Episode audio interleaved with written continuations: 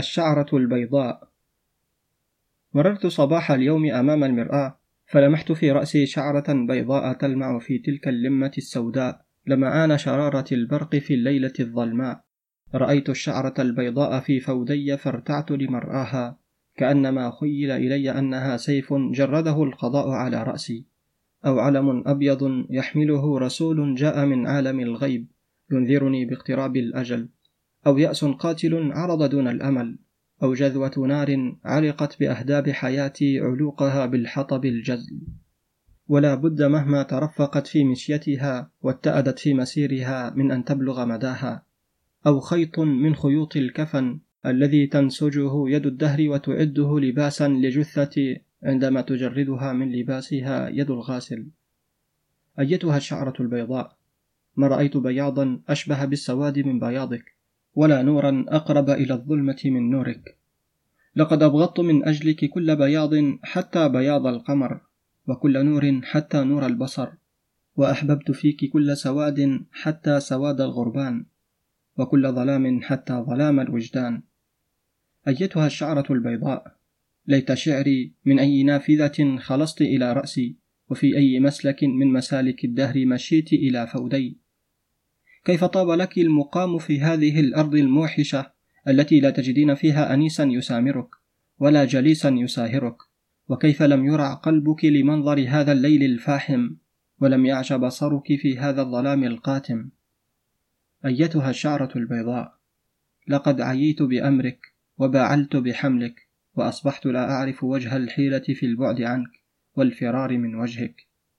لا ينفعني معك أن أنزعك من مكانك لأنك لا تلبثين أن تعودي إليه ولا ينقذني منك أن أخضبك بالسواد لأنك لا تلبثين أن تنصلي ولأني لا أحب أن أجمع على نفسي بين مصيبتين مصيبة الشيب ومصيبة الكذب. أيتها الشعرة البيضاء؟ يخيل إلي وأنا أنظر إليك أنك من ذوات الحيلة والدهاء والكيد والخبث وأنك تهمسين في آذان أخواتك السود اللواتي بجانبك تحاولين إغراءهن بالتشبه بك والتردي بردائك. وكأني بك وقد أشعلت في هذه البيئة الهادئة المطمئنة حربا شعواء وفتنة عمياء. يختلط فيها الرامح بالنابل والدارع بالحاسر ويهلك فيها القاعد والقائم والمظلوم والظالم. إن كان هذا مصيرك فسيكون شأنك شأن ذلك السائح الأبيض.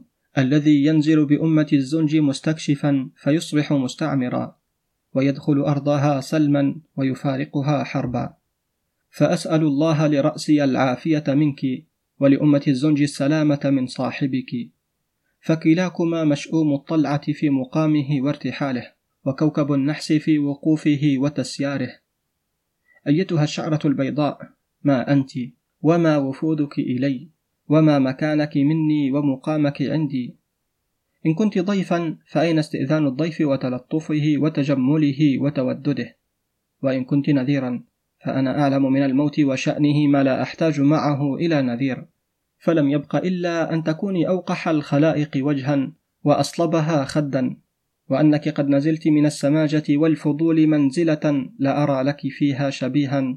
إلا تلك الحية التي تلج كل جحر من أجحار الهوام والحشرات تعده جحرها وتحسبه بيتها.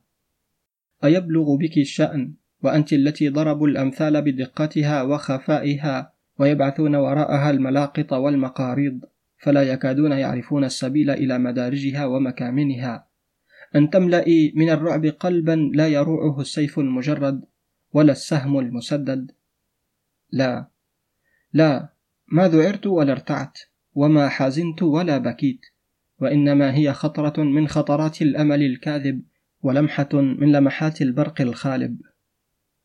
أيتها الشعرة البيضاء؟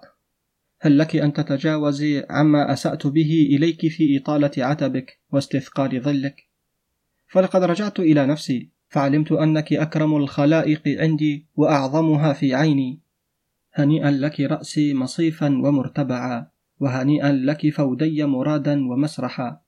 فأنت رسول الموت الذي ما زلت أطلبه مذ عرفته فلا أجد له سبيلا ولا أعرف له رسولا.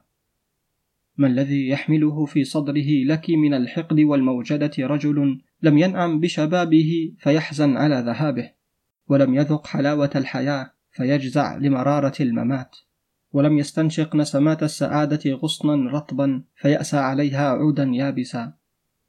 ما الذي ينقمه منك من الشؤون رجلا يعلم أنك وحي الأمل الذي يبشره بقرب النجاة من حياة ليس فيها من السعادة والهناء إلا لحظات قليلة يكدرها ما يحيط بها من الهموم والأحزان كما تكدر أنفاس الحزن الحارة صفحة المرآة.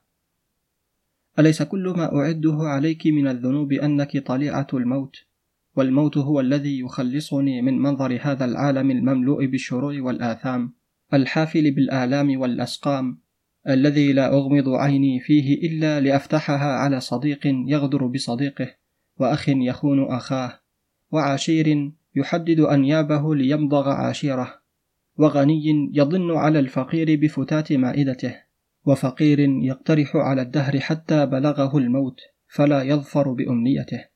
وملك لا يفرق بين رعيته وماشيته ومملوك لا يميز بين ملك الملك وربوبيته وقلوب تضطرم حقدا على غير طائل ونفوس تتفانى قتلا على لون حائل وظل زائل وغرض باطل وعقول تتهالك وجدا على نار تحرقها وأنياب تمزقها وعيون حائرة في رؤوس طائرة تنظر ولا ترى شيئا مما حولها وتلمع ولا تكاد تبصر ما تحتها.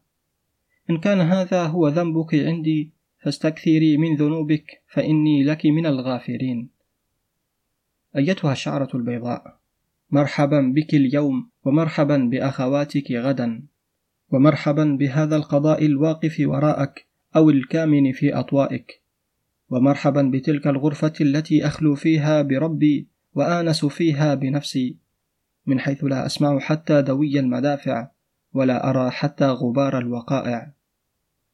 أهلا بوافدة للشيب واحدة وإن تراءت بشكل غير مودود. من كتاب النظرات لمصطفى لطفي المنفلوطي. عزيزي متابع قناة كتب وروايات عبد الباري الطشاني. الآن يمكنك دعمنا للاستمرار في تقديم المزيد ولتحسين جودة المحتوى سواء على بيبال أو يمكنك الاشتراك معنا على منصة باتريون التي نشارك فيها معك محتوى حصريا. كما لا تنسى متابعتنا على منصات التواصل الاجتماعي. وللاستماع للكتب مباشرة تابع البودكاست الخاص بنا. ستجد كل الروابط بالوصف بالأسفل.